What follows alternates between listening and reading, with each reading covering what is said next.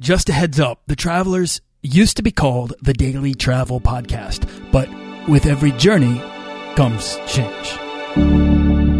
This podcast is produced by Holocene, a community of creative travelers. If you want to get serious about planning that next trip, writing that book, starting that creative project, or launching that business, we're breaking down the barriers between where you are where you want to be together at joinholocene.com. That's join, H O L O C E N E.com. Today we're exploring imagining another life on the road with Marysia Maciocha. Do you want to travel further and more often to visit new places and meet new people and expand the role that travel plays in your life?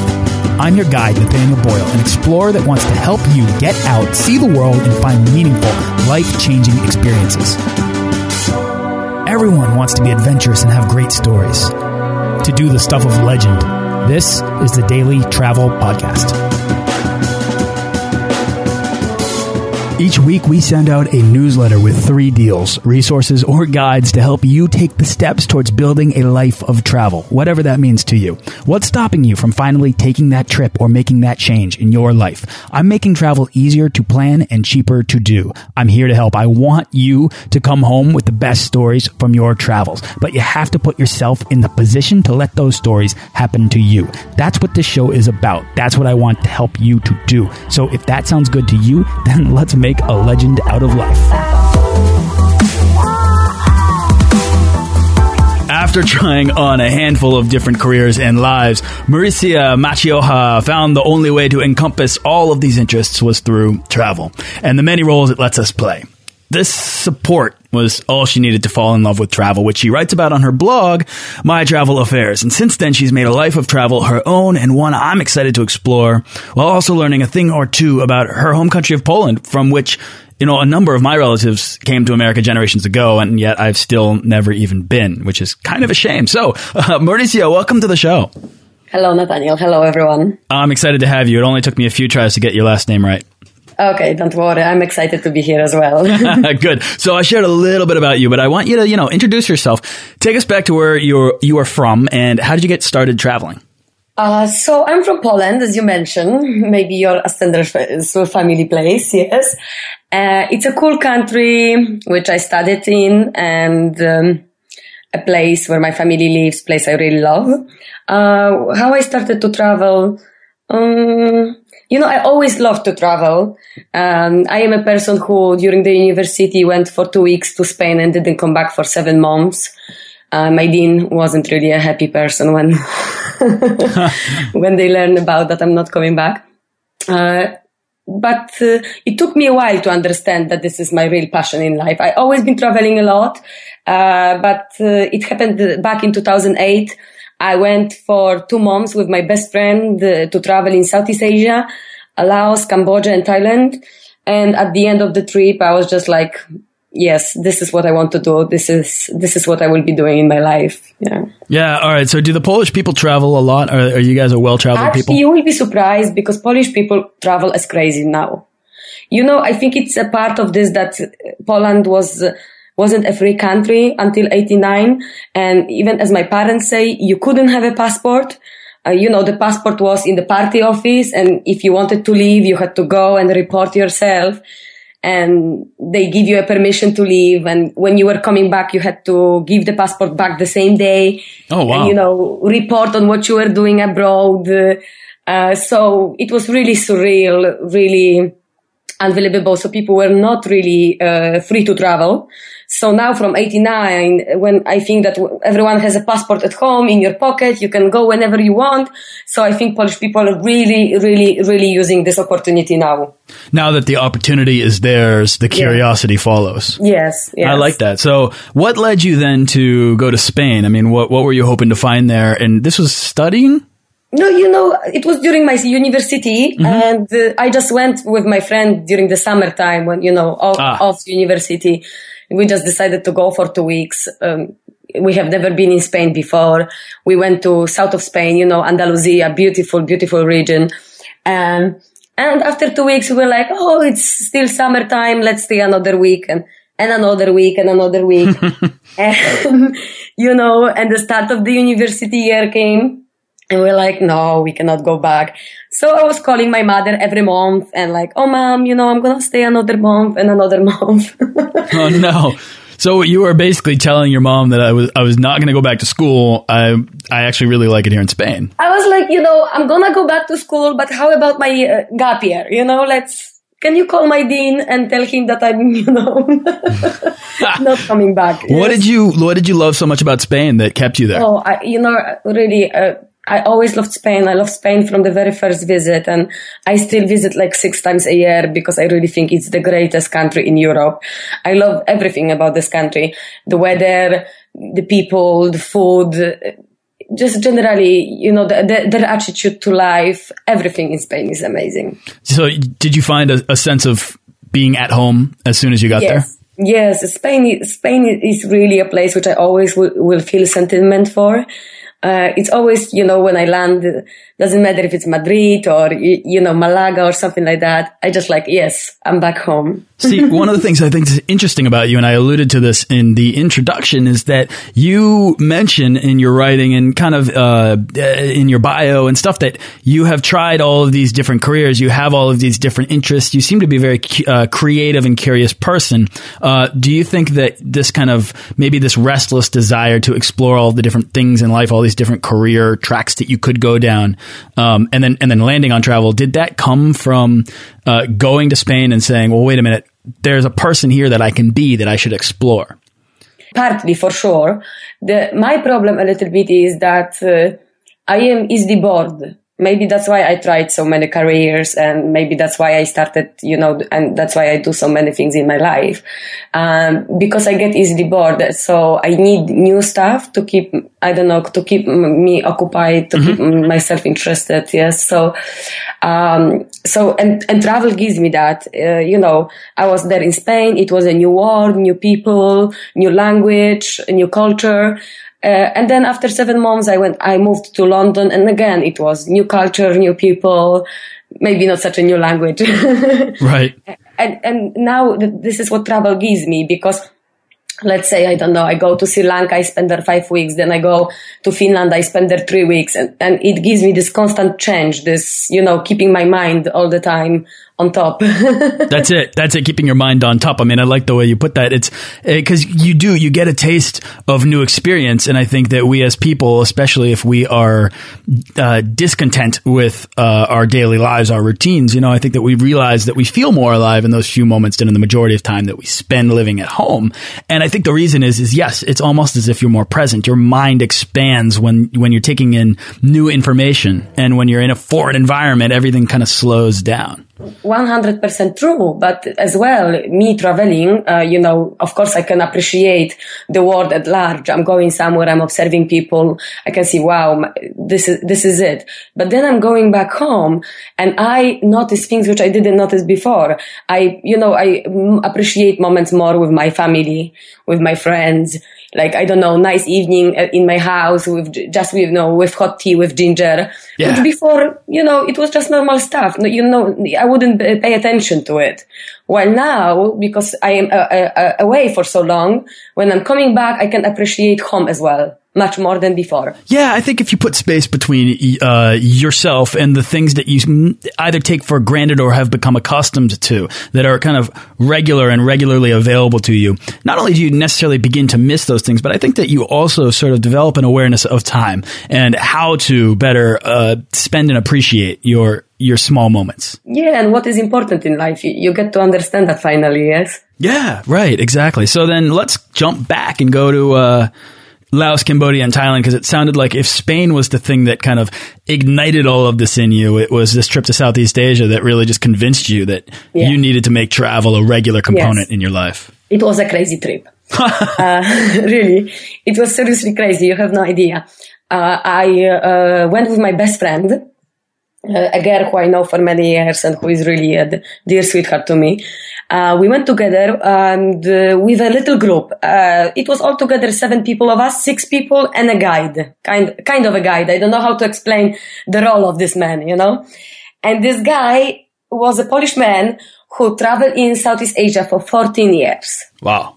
He knew everything about the countries we went to. You know, he knew every little back street, every person, every garden, I don't know, any little temple or museum we went to. And he was just crazy. He was like, see you girls at, at, at six, uh, six o'clock in the morning at breakfast. And we were starting every day at six and, you know, finishing at three o'clock completely dead in some bar drinking Lao whiskey. really, it was, it was a challenge for my body.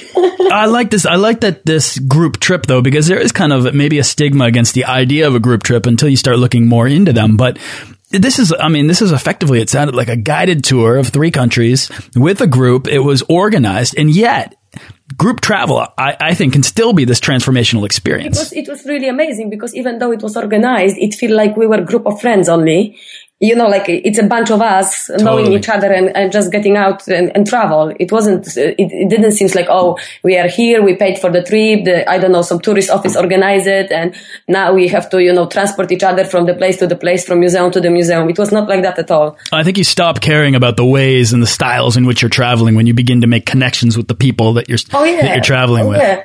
And I, I really think that the whole highlight of this trip was this man. I mean, believe me, the things he showed us, the, the, the things, it's, I don't really think we, we there was a possibility we could experience them going there, uh, you know, ourselves. Yeah. Yeah. Okay. So what? Tell me. Tell me more about this trip and, and um, exactly when it was over. Did you say, "All right, I'm gonna I'm gonna have to go home and figure this out"? Did you stay on board? What happened next? No. The thing is that when it was when it was uh, when the trip was over, uh, we me and my friend we stayed in Thailand. The rest of the people went back to Poland. The four other people went back to Poland, and we stayed in Thailand. And we went to Koh Tao to become professional scuba divers. I love it. Yes, yes. So we had the Koh Tao as well was amazing. It's it's you know it's a divers island. It's very relaxed. Uh, it's it's nothing like Koh Samui or all these crazy places. Yes. So it was really great. We spent there two weeks. We did our course, and it was time to go home. And both of us, when we were taking a bus from uh, from uh, uh Hua Hin uh, to the Bangkok airport. We were like, we were crying, we were crying like babies. We, none of us wanted to leave. I mean, we, we kind of had to, yes. So, um, we boarded on flight back to Warsaw and my, fl- my friend, she fell asleep straight away. I didn't. and uh, all my, all the flight, I was like, okay, this was amazing. This is something I can imagine myself doing. And I really felt right. Like I, I really felt, I really felt like I'm in the right moment and right you know, position in my life.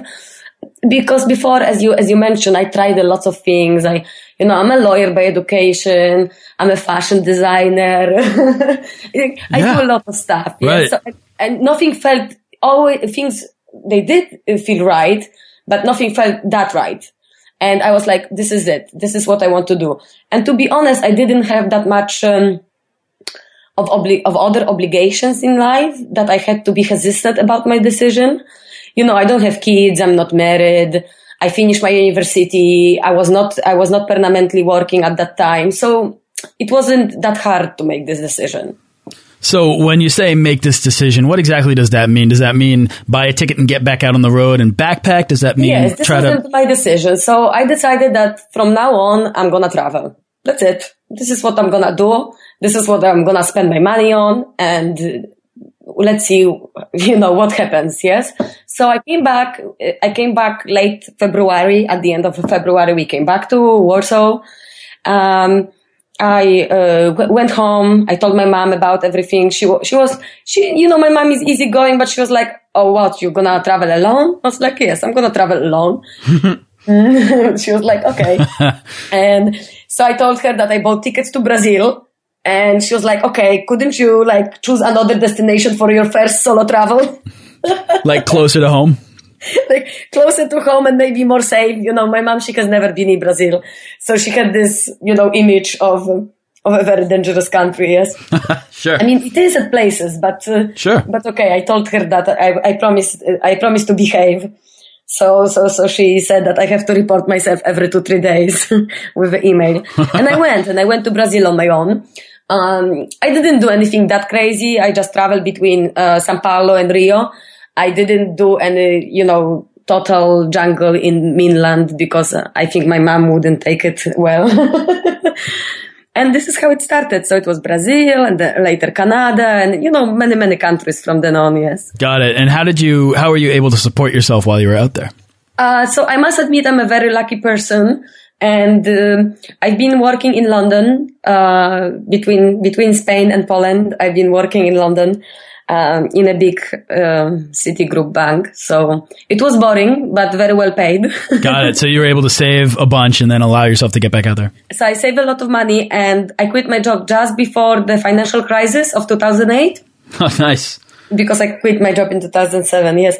So, uh, so I took all, all my money out and invested into little companies in Poland. So I get a dividend every year.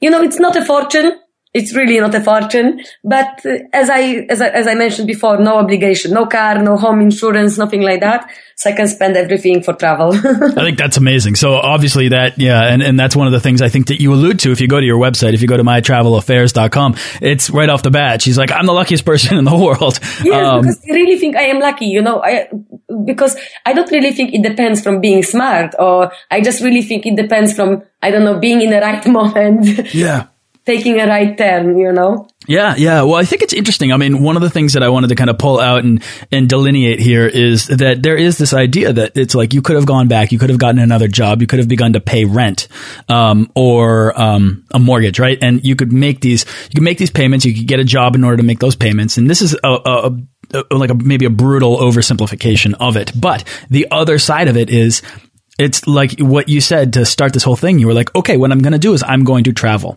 I think a lot of people say, okay, well, I'm going to get a job and then I'm going to find somewhere to live and I'm going to pay rent.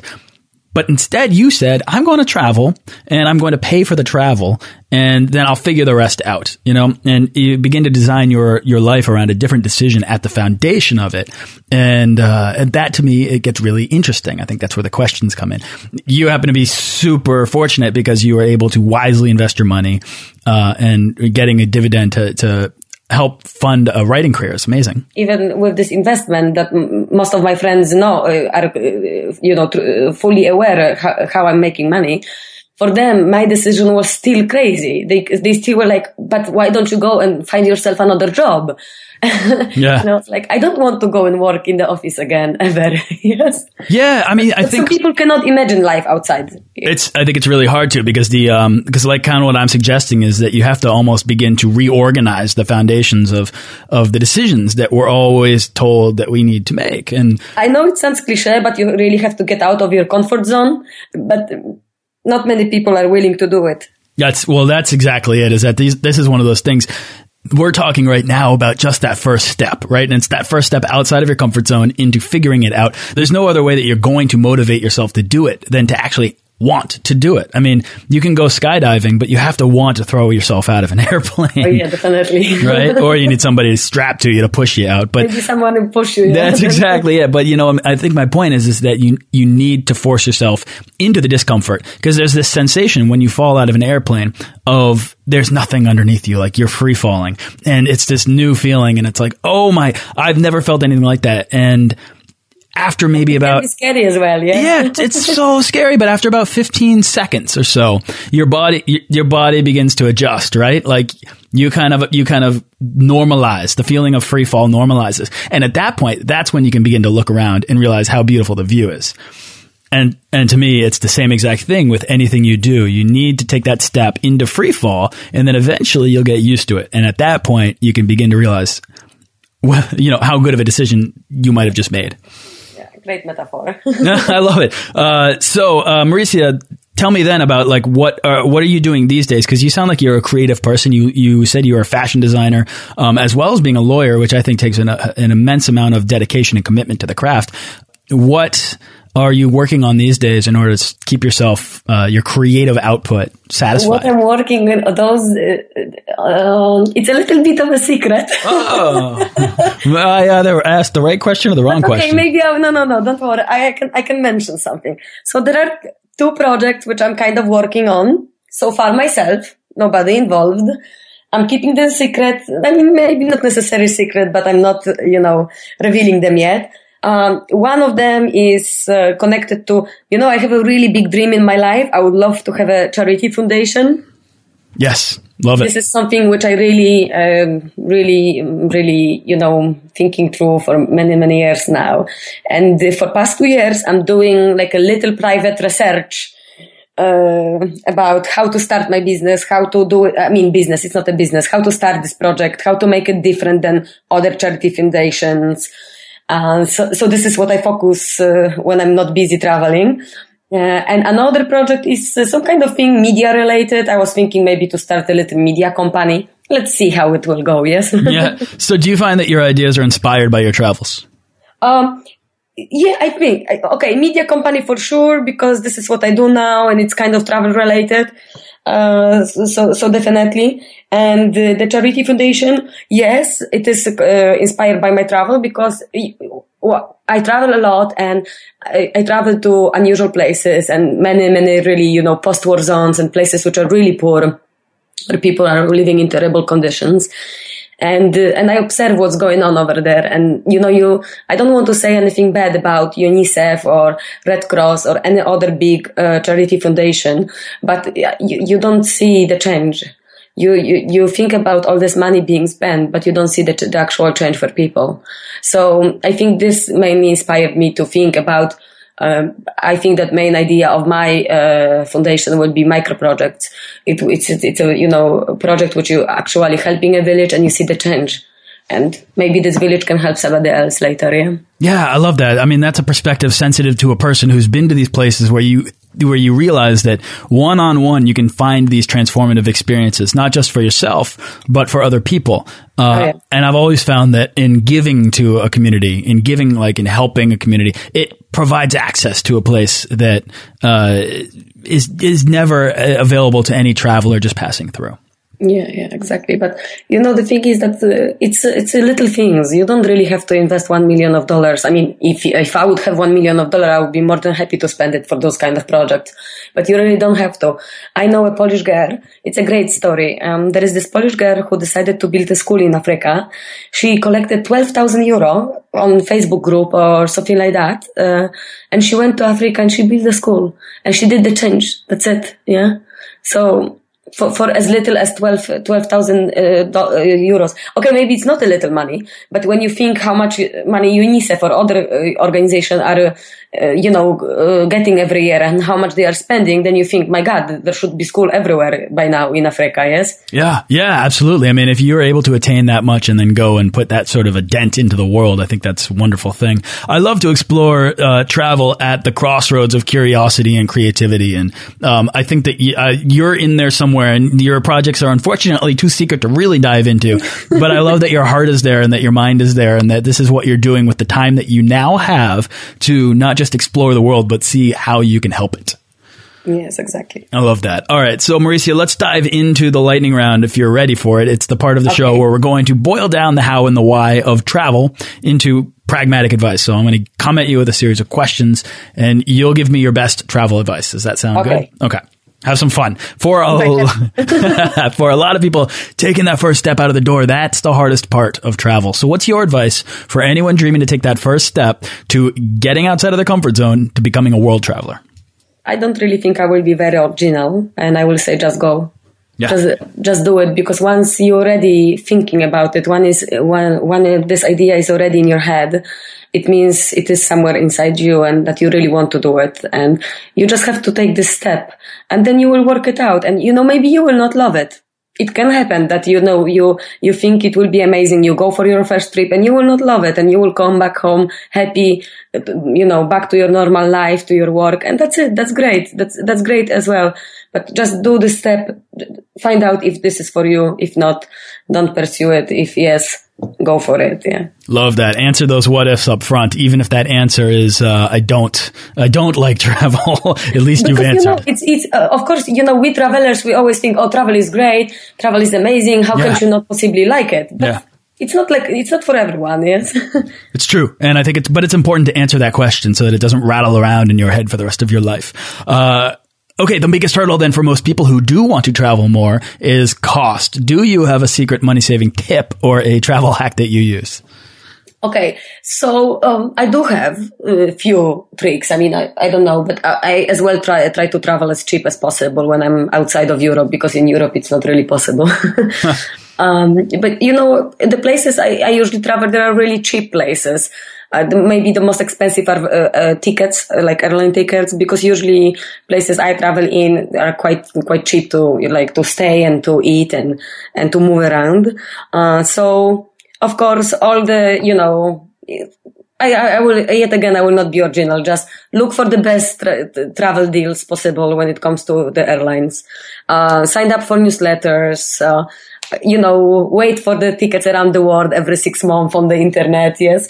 Yeah. I, I, don't, you, you can find those deals. I'm sure you can find those deals. Yeah, I like that. And, and you know, uh, this actually makes me realize that maybe I should put together a list of, uh, of all of the different things that I follow in order to e more easily find those deals. You know, like yeah. finding, someone was asking me the other day, they're saying, well, you should, you should, because uh, the thing is that, you know, I, I, when I search it online, I don't even realize which website I go. Just as, you know, I have, uh, few websites which I have saved in my in my in my Google, and you know, check here, check here, check there. Okay, this is the best deal. That's it. I'm buying it. yeah. yeah. Yeah, yeah. I think it's it's good to know the channels because that way you don't miss out on these like absurdly low price opportunities. And if oh, you yes. can remain flexible and you see a three hundred dollar round trip flight to Brazil from you know northern United States or even Europe, then and especially because you know as well, it's important if you are more flexible on dates, you can always get a better deal.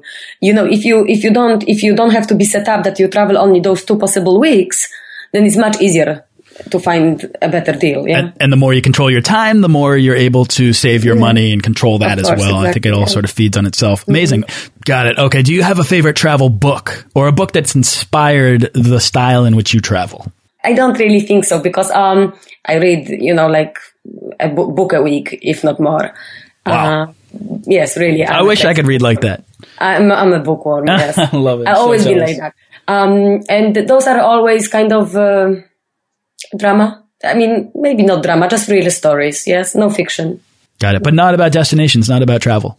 No, not uh, now. I'm surprised now myself. You you gave me the question, which I have to think through. No, not really about travel. No. Yeah, because that's the obsession. That's the thing that you love, and so I mean, it's travel, travel, maybe, travel literature. because I don't want to make my mind before going somewhere. Oh, I like that. Yeah. I, I don't want to make my opinion, and and that you know, once you read something, you imagine, you think about it, and I really think it's later difficult to change this. I like that. Okay.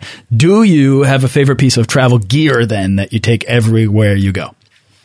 Mm-hmm. Hair dryer? No. no, no, no. I used to be addicted and I used to be taking a hair dryer everywhere, even in the middle of the jungle. But okay. Um, because, you know, I have an OCD. So I have these little things in my life that, you know, drive me crazy. But, um, yes, yes, yes, I'm terrible. Uh, trekking shoes. Trekking shoes. Yes, I you know I just like I don't I think they are useful on on every trip. Got it. Okay. Oh, and another one, a scarf. A scarf? Why a scarf? Yes, because I think the scarf is the best travel accessories. Really, seriously. Like it can help you in, especially for a woman, it can help you in any possible situation. Sun, you know, wind, bad weather, rain, cold, and then when you need to go, uh, I don't know, visit a mosque, uh, visit a temple where you have to cover yourself. Yes. I mean, it's useful for everything. True, absolutely. I've seen I've seen women at St. Peter's in Rome wrapping scarves around their legs because their their dress was too short. Exactly. It's super functional. I agree. And I think for guys, uh, a hooded sweatshirt can be uh, kind of like the the male version of the scarf. Oh yeah, and you know when you are a girl and you're traveling for a long time and you don't, you know, you you have you only have a backpack and you don't have that many clothes, but you have few colorful scarves, so that can you know fashion up your style. yeah, I like it. I like it. All right, uh, what then, Mauricio, was your worst travel mishap? I don't really. Ha- okay, I, I know what is the worst. This was really the worst. You, I couldn't imagine that I was so stupid myself that I didn't check this information before. so I was traveling in India back in 2009 and I had really, really short time. I had only three weeks. You know, it's not, it's nothing for India, nothing. So I travel a lot. I started in Mumbai and I travel a lot in the south, but I decided that I cannot leave, uh, leave, uh, India before seeing Taj Mahal, of course. So I flew to Delhi and I, and I, I'm checking in into my hotel And I'm telling the guy, uh, can you book me a train to Agra to, for tomorrow? Um, and the guy is like, but why? Why do you want to go there? Uh, and I was like, oh, I don't, sorry, isn't it like the biggest site of India over there, Taj Mahal? Right. And he said, yes, yes, of course it is there, but why do you want to go tomorrow? Tomorrow it's closed. And I was like, what? And he was like, yeah, tomorrow is closed because it's Muslim prayers. It was Friday. And I said, uh, wasn't it closed on Mondays? And he was like, yes, yes, but we changed it. It's on Friday now. And you know, it wouldn't be that such a problem if I would, if my, uh, tickets back home wouldn't be on Saturday. Got it. So the tickets were on Saturday and then on Friday the Taj Mahal was closed. So there was no chance I could see it possibly. Oh, So I was quite annoyed with myself. So I called my travel lady and I asked her if we can, you know, rebook my flight. She said it will be super difficult because it was just before Easter. So, you know, it was crazy busy. And um, then I called another friend and I told, my God, I'm so silly. I'm, I- I'm so upset with myself. I'm so annoyed. And the guy said, don't worry. Listen, I know somebody who works in Taj Mahal, but you will have to dress as a man. I was like, okay, I'm, I'm, I'm all for it. Yeah. So I went to Agra straight away, uh, the same day. And uh, on Friday, they gave me clothes of a Muslim man. And I just had to dress the clothes and I went to see Taj Mahal eventually. I have no pictures from that day because it was, you know, I, I, I didn't want to, you know, people pay attention to me. right. Uh, so I, I saw Taj Mahal on Friday, but then luckily my tickets got changed. So I could peacefully go on Saturday like every tourist with a f- big camera and take some shots. what was it like at the time that you were there in which it wasn't crowded with tourists and it was open for prayer? it was quite amazing, you know, because Taj Mahal, uh, Taj Mahal is in the center and then the two mosques are on the sides, yes, creating all this, uh, all this harmonic view. And, uh, and, and it was only men, of course, uh, and the prayers, uh, and, you know, the, the chants of the prayers, because, you know, the Muslim prayers, they go like a kind of a chant, yeah. The, the, the, guy sings and, and then they, they follow, yes. Yeah. So it was, it was, it was pretty serene, I would say. Yes. Very calming, very peaceful. Just this melody. It was quite, I couldn't really, you know, walk that around as I, as I would like to. Yes. But it was quite amazing and quite relaxing and quite ca- calming me down. Yeah. I love that. All right, Marysia, last question of the round then. What's the weirdest thing you've ever eaten?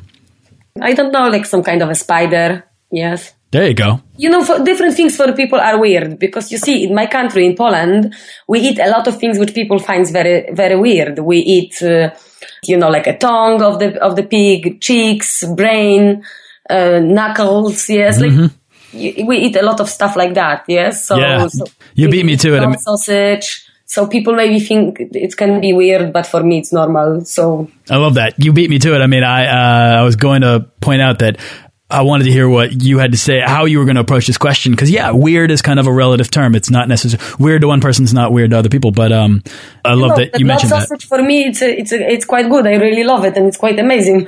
Me too. When they say, hear about it, they're like, "What?" Yeah, me too, but I can't get my wife to eat it. Marysia, uh, is there anything else that you'd like to share about travel or life or, or even Poland before we wrap up? Ah, okay, about Poland, it's an amazing country which you have to visit, but just in summertime. Okay. It's really beautiful, really amazingly beautiful, just in summertime because winter it's not for people to handle. Okay, so what's exciting you the most right now? Where's your next trip or what's your next project? Uh, so I'm going to Finland in in, in the second week of uh, January. Hopefully, I will hunt some northern lights. Yes. Nice. Yes. Yeah, Ho- that- hopefully, not only green ones. You know, as I'm the luckiest girl in the world, maybe I will be lucky enough to see other colors. Yeah. Yeah, plenty of people miss them, but uh, you're going at a, at a good time of the year to, to catch Yeah, I hope so. I hope so because I I know of a one uh, uh, one friend which uh, was uh, which is is now in Finland and apparently no no no no northern lines because it's too warm. Minus five is too warm. Right, I'm going to be rooting for you. I'm going to follow along and check that out. But where can people go to do that? Where can people go to find out more about you and your travels? Of course, they can go to my blog, my travel affairs. Yes, um, my Facebook page. Of course, it's it's quite crazy. I update it a lot, um, and that's it. I think. Thank you so much for coming on the show and you know sharing your your life and the interesting path that you've taken. It's it's completely unusual, uh, and Yeah. and I, and I love that you uh, uh, have found a real sense of kind of comfort in the decisions that you've made to make travel a bigger part of your, of your life. Lovely. Thank you very much. It was such a pleasure to be here. Thank you. Thanks for listening to this episode of the Daily Travel Podcast. For show notes and links to everything in this episode and more, head on over to dailytravelpodcast.com. Join our Facebook page of explorers and subscribe to our newsletter for the best deals and resources to help make your next trip life changing.